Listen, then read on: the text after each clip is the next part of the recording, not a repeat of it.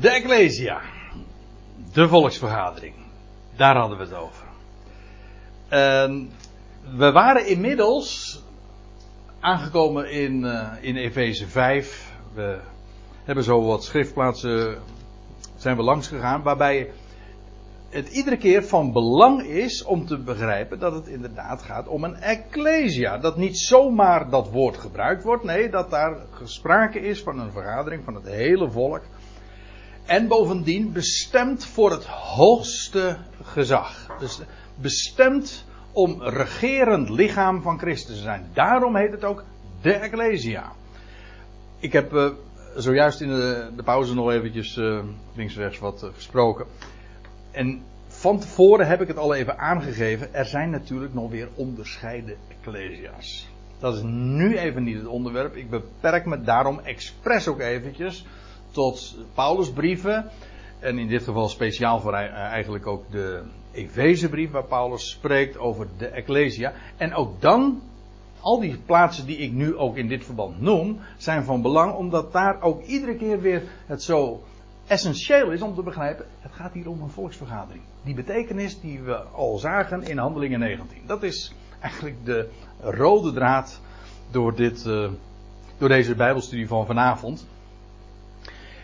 Eén ding wil ik nog eventjes uh, daarbij nog gezegd hebben, namelijk dat waar is die Ecclesia? En ook daar hebben we zojuist in de pauze nog eventjes over gehad. De Ecclesia is daar waar het hoofd, Christus, het gezag heeft. Dus niet mensen gezag hebben. Dus niet alles wat zich Ecclesia noemt, is Ecclesia met een variant op wat Paulus zegt in Romeinen 9. Niet alles wat Israël heet, is Israël. niet alles wat de Ecclesia van Christus is Ecclesia. Daar gaan wij trouwens niet over om dat te, aan te wijzen. Het is alleen de Ecclesia. Waar is die? Wel, daarvan is Christus het hoofd. Dus als daar een sprake is van een vergadering, dan heeft hij het voor het zeggen. Niet mensen. Dus op het moment dat mensen bij elkaar gaan komen en die gaan afspreken van, nou jongens, dit zijn onze beleidenissen, dit zijn onze geschriften, daar baseren we ons op. Dan heb je dus mensenwoord. Dan kom je niet meer samen rondom zijn woord en wat hij te zeggen heeft, maar om wat wij met elkaar hebben afgesproken. Kortom, heb je feitelijk Christus als hoofd buiten de deur gezet. Dan is namelijk, dan is een menselijke organisatie met, allerlei hiërarchieën. Maar uiteindelijk heb je dan het hoogste gezag, is uiteindelijk dan mensenwoord. En als het niet in overeenstemming is, bijvoorbeeld als de dingen die gaan gezegd worden, als het niet in overeenstemming is met uh, wat wij met elkaar hebben afgesproken, als mensen, wel dan uh, want dan is daar geen plaats voor. Maar u begrijpt, dat is feitelijk, en nou gebruik ik weer eventjes dezelfde terminologie waarvan ook sprake is in in uh, Handelingen 19. Feitelijk, het heet volksvergadering, maar het is onwettig. Men noemt zich, zo bedoel ik het, ten onrechte een ecclesia van Christus. Want Christus is helemaal niet het hoofd. Als Christus het hoofd is in een vergadering, dan heeft Hij het voor zeggen. Dan klinkt zijn woord. En precies zoals we zojuist ook met elkaar nog eventjes onderling bespraken. Hè, dan zeggen we met elkaar daarop amen. Zo is daar naar dat woord van hem luisteren we. Ja. En dan onderschikken we dus ons aan dat wat hij daar eh, te melden heeft. Maar juist dat woord van hem, dat is, daar draait het allemaal om in die Ecclesia. Maar Christus, en dat hebben we dus gezien, Christus heeft de Ecclesia lief. Prachtig hè? Ik, ik, moet, ik moet eraan denken hoe geweldig het is. Wij, uh, ja, wij, leven toch in veel opzichten in een hele individuele, individualistische tijd. Gelovigen zijn uh, losstaand, hè? heel solistisch. Nee, Christus heeft de Ecclesia lief, daar waar gelovigen samen zijn. Hij houdt van de Ecclesia. Hier wordt trouwens het woordje agape gebruikt. Hè? Die liefde heeft hij voor de Ecclesia. En hoe bewijst hij dat? Wel, hij geeft zich. Uh, hij geeft zichzelf, hij levert zich over, hè? hij geeft zich over ten behoeve van haar. Wat doet Christus vandaag? Dat is trouwens het onderwerp aankomende zaterdag in, uh, in.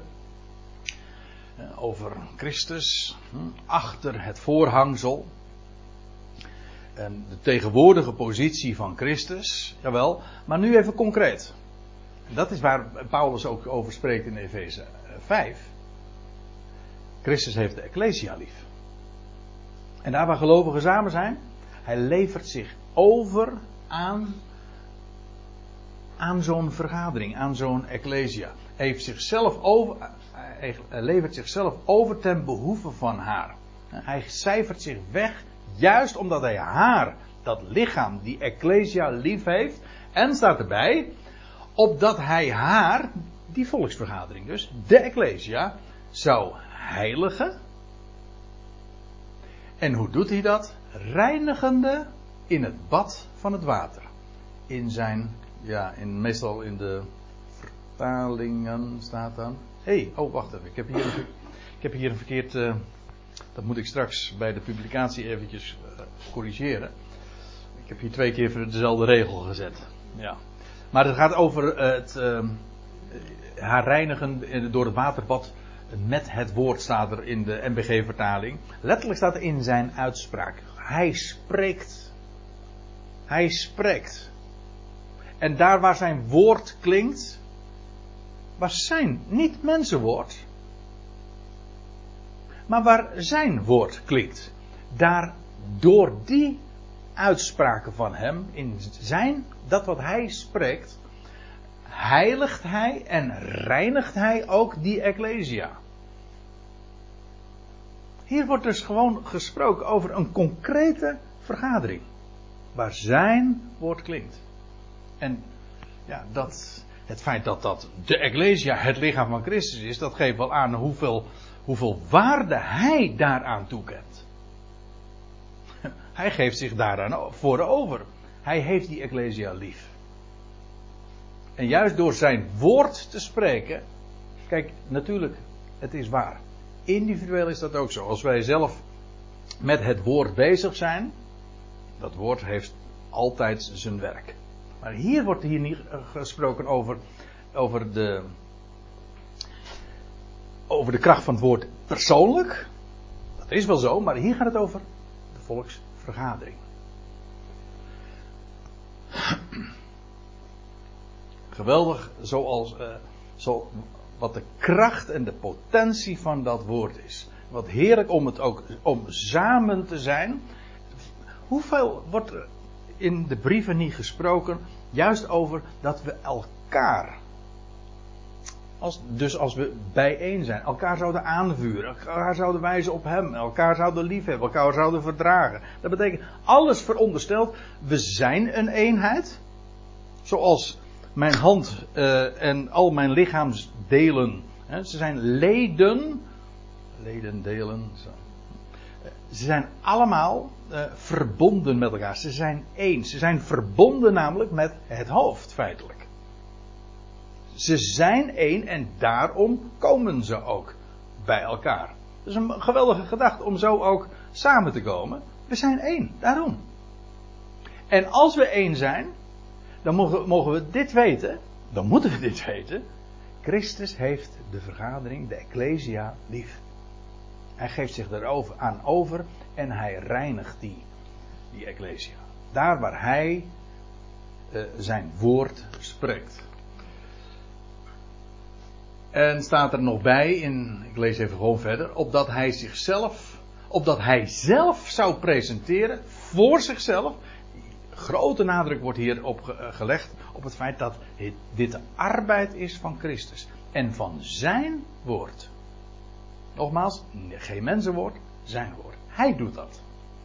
Opdat hij zelf zou presenteren voor zichzelf ook nog eens glorieus. In de NBG-vertaling staat er omdat hij de Ecclesia stralen zou maken. Even kijken hoe het ook alweer uh, in navolgende staat. Ik heb daar geloof ik, ik heb daar nu geen diaatje hiervan. Uh, ja, en zo zelf de Ecclesia voor zich te plaatsen. Ik lees nu voor uit MBG. Stralend, zonder vlek of rimpel of iets dergelijks. Zodat ze heilig en onbesmet is. Kijk, dat is wat, ze, wat hij doet, gewoon ook in de praktijk. Met de volksvergadering. In de ontmoeting met elkaar. Opdat hij zelf zou presenteren. Voor zichzelf glorieus. Stralend. De Ecclesia. Dat wil zeggen, de volksvergadering. Nou, ik heb nog een, uh, een tiental concrete feiten omtrent de Ecclesia. Het is uh, iets wat me zelden overkomt. Uh, dat, ik, dat ik zo snel door mijn dia's ga. Dat is nooit helemaal te plannen. Is mijn persoonlijke ervaring dan. Maar uh, dit was uh, dan eigenlijk de laatste dia en waarin ik, nou ja, ik vond tien wel een mooi getal, maar tien concrete feiten omtrent de Ecclesia. Concrete feiten. Zoals de schrift daarover spreekt. Ik, je zou dit gewoon, dus aan de hand van de, een concordantie, ik noem expres ook iedere keer op zijn minst één schriftplaats, zodat je dat kunt nakijken uh, waar gesproken wordt over de Ecclesia. Een Ecclesia kan geadresseerd worden. Het is dus een concrete vergadering. De gemeente of de Ecclesia, te Korinthe of te Colosse, etc. Uh, de Ecclesia, maar dat ligt nogal voor de hand, omdat het een volksvergadering is, komt samen. Als jullie als 1 Korinthe 14 als Ecclesia tezamen zijn. Dus als gelovigen bijeen rond Christus het hoofd. Hij spreekt. Zijn woord. Dat gaat het om. Dat klinkt. Een ecclesia is onderworpen aan Christus. Waarom? Hij is het hoofd. Hij is het hoofd van het lichaam, van de gemeente, het lichaam van Christus. Uh, zijn lichaam, ja. Is nog iets eigenaardigs. In 1 Korinthe 11 daar lees je van dat Paulus zegt van, maar wij hebben zulke gewoonte niet. En evenmin de Ecclesia's van God. Die Ecclesia heeft dus bepaalde gewoonten. Dingen die ze gewoon zijn, die ook feitelijk eh, die Ecclesia, dat moet toch wel duidelijk zijn. Tenminste, waar hij het hoofd is, die laat zich niet onder een wet zetten. Maar ze heeft wel gebruiken. Dingen die namelijk logischerwijs voortvloeien uit het feit dat hij hoofd is. Dus ze heeft gewoonten, gebruiken. Geen wetten, dat niet. In Handelingen 20, dan lees je dat Paulus te, uh, ja, te Efeze, Nee, aan het strand van Milete is het. Ja. En daar spreekt hij de opzieners van, van Efeze aan. Daar eh, komen we bij een latere gelegenheid nog over te spreken. Maar dan zegt hij ook uh, tegen die, die opzieners. Feitelijk zegt hij: jullie zijn herders. Dat is een beetje trouwens ook meteen wat een opziener is. Dat wil zeggen, eh, en wat is een herder? Wel, dat is iemand die de ecclesia, de volksvergadering, wijdt. Dat wil zeggen, voeding geeft. Zoals een kudde mag grazen en kan grazen en daarmee dus gevoed wordt. Die ecclesia die wordt als een kudde gewijd, dat wil zeggen gevoed. Wordt verzorgd. 1 Timotheus 3 vers 5. Paulus zegt daar dat, nou zou ik het eventjes, om het goed te lezen, even de schriftplaats erbij betrekken. Oh ja, daar gaat het over, over die opzieners waar ik het zojuist over had. Die herders dus, mensen die weiden in de de, de kudde weide geven. Die echter iemand zijn eigen huis niet weet te bestieren. Hoe zou hij de, de ecclesia van God, voor de ecclesia van God zorgen? Zorg dragen. De ecclesia kan opgebouwd worden. Zo staat het, hè? 1 Korinthe 14. Dat de gemeente, het gaat er in die ecclesia om, niet om wat geoorloofd is, maar wat bouwt op. Alle dingen zijn geoorloofd. Ik zei al, de Ecclesia staat niet onder een wet, ze heeft gewoonte. Ze luistert naar zijn woord. En Het gaat niet om de vraag wat is geoorloofd, maar wat bouwt op. Wat sticht. Zo staat het geloof ik in de MBG-vertaling. Daar gaat het allemaal maar om. In 1 Timotheus 3 vers 15 lees je dat die Ecclesia, de Ecclesia van God, een steunpilaar en een basis van de waarheid is. Waar klinkt de waarheid? Daar waar Hij, Christus, het hoofd is en waar Zijn woord klinkt en daarmee dus ook de waarheid verteld, doorgegeven en gesproken wordt. De Ecclesia kan ook veracht worden. Je leest dat in. Uh, dat is wel uh, een eigenaardige. In, uh, eerder trouwens, in datzelfde 1 Korinthe lees je dat de Ecclesia kan. hoe lees je dat? Vormt geen aanstoot, staat er dan uh, of eigenlijk een, wees geen struikelblok, nog voor Joden, nog voor Grieken, nog voor de Ecclesia's van God. Of de Ecclesia van, de Ecclesia van God. Geen struikelblok daarvoor vormen, dat kan.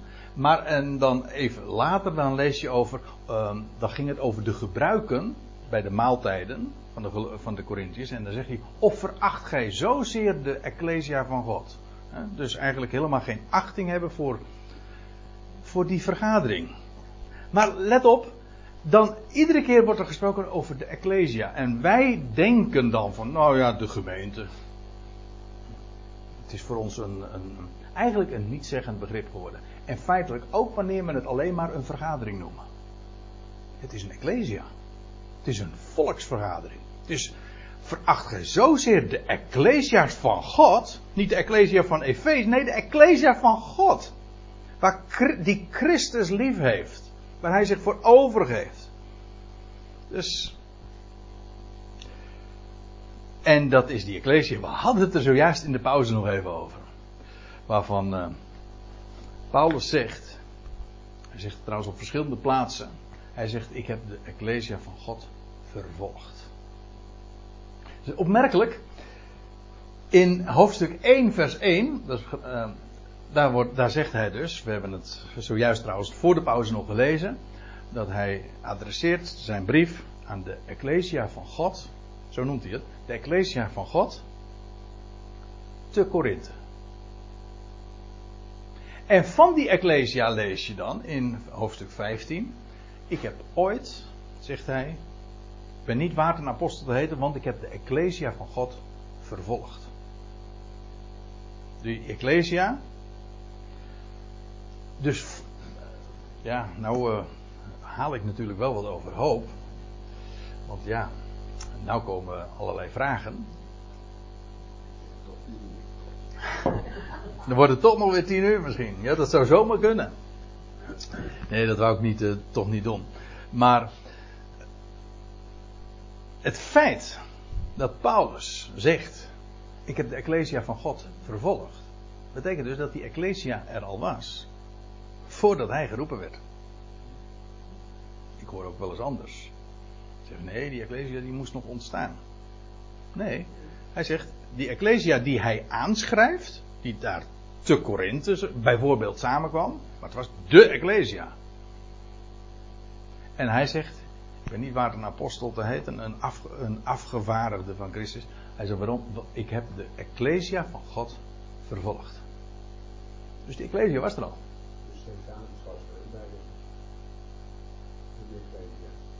Precies, ja.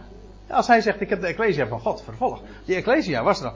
Wat natuurlijk een andere vraag oproept. Maar ik, nee, ik, ik, ik, ik, laat het, ik laat het als vraag en daarmee trigger ik u om daar eens over na te denken. Namelijk de vraag: wanneer is eigenlijk. maar ik had af. U weet het hè? Een van de eerste dia's had ik gezegd: we gaan het dus niet hebben over de vraag wanneer de Ecclesia ontstaan is. Maar nou zouden we zomaar in dat vaarwater komen van. Als Paulus zegt: ik heb de Ecclesia van God vervolgd. Wanneer is die Ecclesia dan eigenlijk ontstaan? Eén ding weet ik zeker. En ik laat ik ga hem niet helemaal beantwoorden, maar één ding moet duidelijk zijn. Christus is het hoofd. Dus voordat Christus gesteld was als hoofd, kon die ecclesia, die er niet zijn. En waar begint de ecclesia? Ja, ja, ja dat lijkt mij ook ja. Mijn, mijn antwoord is, sinds Christus is het hoofd van de ecclesia. En met hem begint ook de ecclesia. Dat die waarheid aangaande de ecclesia, namelijk dat het het lichaam van Christus is, pas geopenbaard wordt aan Paulus. En dat de twaalf daar helemaal nog geen idee van hadden. En dat het in het begin ook al een puur Joodse aangelegenheid was. Met het evangelie van de besnijding. Allemaal waar. Paulus wordt later dingen getoond en verteld. Waar die anderen geen idee van hebben. Maar dat, dat is een ander punt. De Ecclesia van God. Die was er al voordat Paulus geroepen werd. Christus is daarvan het hoofd. Met Christus als hoofd dus sinds dat hij opgestaan is uit de doden, is die Ecclesia begonnen. Voor de nederwerping van de Ja. Dan praat je over God. In Efeze 1. Ja, dat is waar. Dat openbaar dag was, maar dat was al bekend. Daar zegt hij dat, hij de, dat de Ecclesia in Christus uh, uh, uitverkoren is. Voorbestemd. Ja. Ja, in het plan, absoluut. Maar goed, Christus was toen nog niet het hoofd. Ja, ik, je moet dat uh, van verschillende kanten nog benaderen. Dus je, ik geef toe dat als je het hebt over zo'n onderwerp als de Ecclesia, als de volksvergadering, dan raakt dat natuurlijk allerlei andere onderwerpen. Dat blijkt nu wel, hè, als je dan wat dieper erop doorgaat. Hè, want dan kun je meer vragen gaan stellen.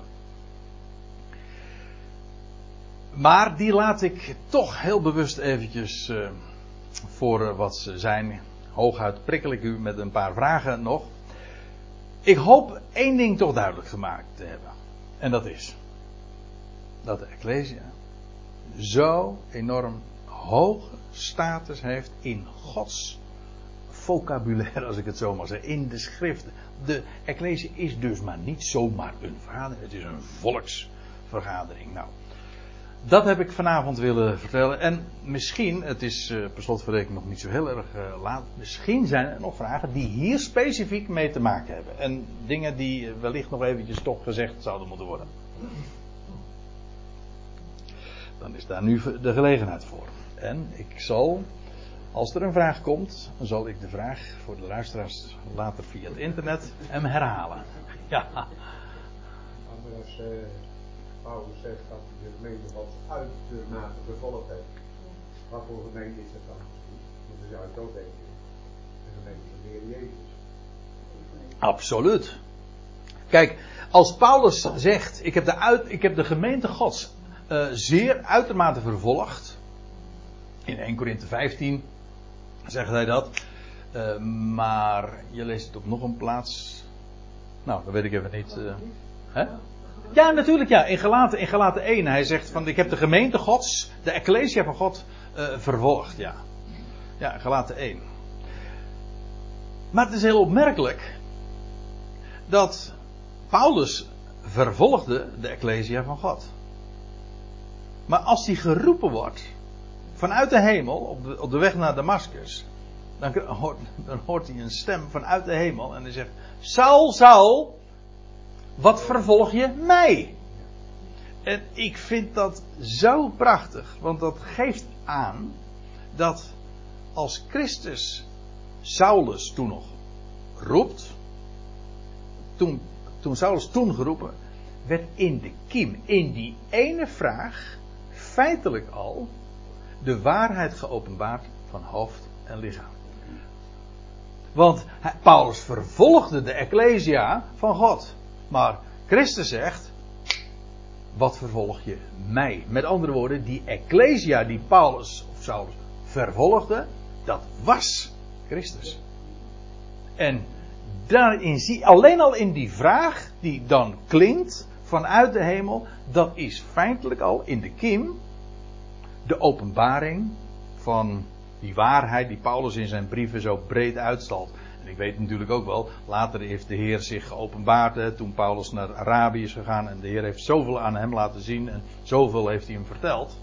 En toen zal hij dit allemaal nog uh, gehoord hebben. Maar in de kiem zie je al die, de openbaring dus van dat ene lichaam, hoofd en lichaam, zie je al in die vraag die gesteld wordt, wat vervolg je mij? Nou gaat het even om, dat ik in de pauze Ecclesia dus, heeft dus meerdere doelgroepen. Ja. Duidelijk gemaakt worden, want als de Heer Jezus dus aangeeft in Matthäus 19 aan de twaalf discipelen, waar notabene zelf Judas ook bij is, zelf wel dan zegt hij, jullie zullen op twaalf tronen zitten en de stammen van Israël in de nabijheid ja. Dus dat is toch ook iets wat natuurlijk heel veel mensen toch op een pad zet van nou ja, hoe zit dat nou eigenlijk? Je hebt dus een ecclesia, waar je nog net over spreekt, ja. die dus eigenlijk Jodendom bestaat. Dat beschrijf je ook, zeggen, in de Romeinenbrief heel uitgebreid. Ja. Daarnaast heb je de, de, roep, de, roeping zeg maar, uit de heidenwereld. Dat wordt samengebracht samen met Jood en Heiden. Kijk, in één lichaam. Eén lichaam heeft ja. twee waar de tussenmuur wordt weggebroken. Dan moet er natuurlijk wel in de uitleg uh, duidelijk gemaakt worden, althans als dat kan, hoe dat dan zit met die eerste groepering Joden, die in feite tot geloof komen in Christus, dus hun Messias. Ja. Terwijl de heidenen in feite eigenlijk hem gaan zien als de Curios. Dus er zijn een aantal dingen in de schrift die door elkaar heen lopen, waar je wel onderscheid moet gaan maken van wat is nou het ene en het andere, ja. Wat eigenlijk toch ook Ecclesia heeft. Moet ik het ook allemaal herhalen?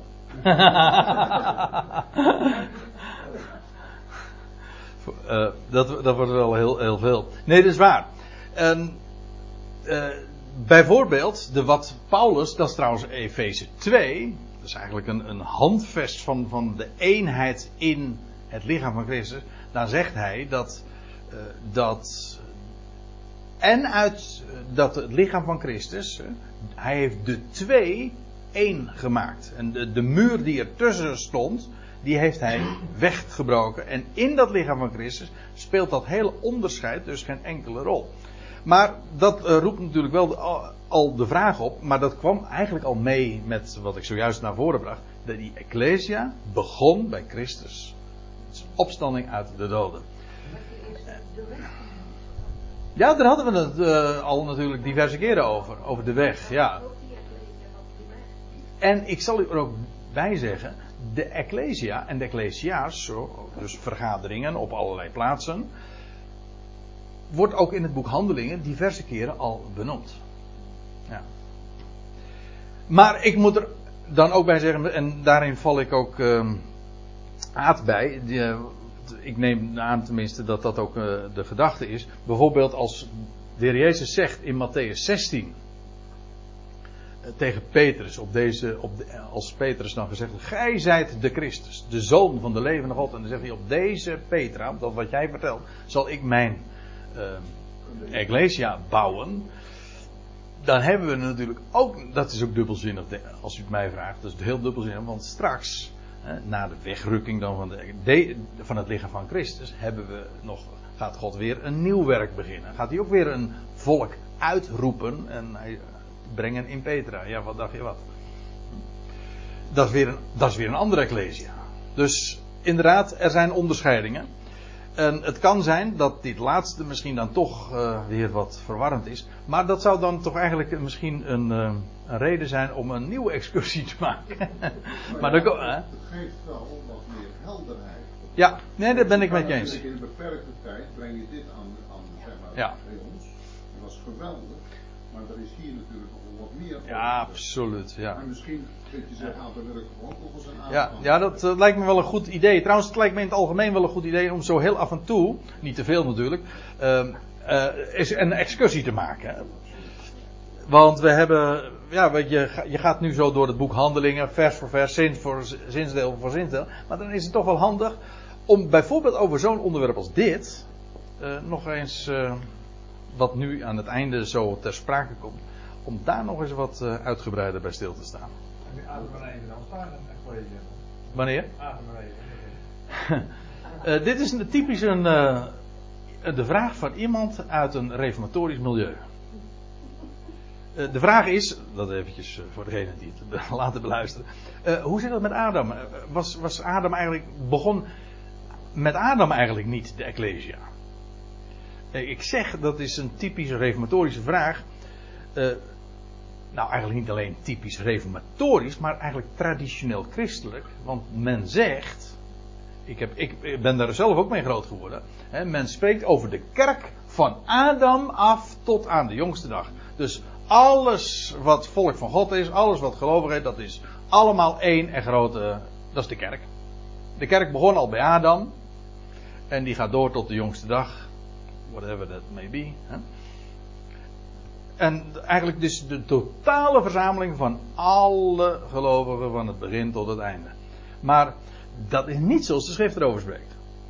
De Bijbel kent allerlei onderscheidingen. Heeft een, eh, er is een plan van God met het volk van Israël. Nou ja, daar heb je het dus. Met de Ecclesia vandaag. Met eh, het Israël straks ook weer.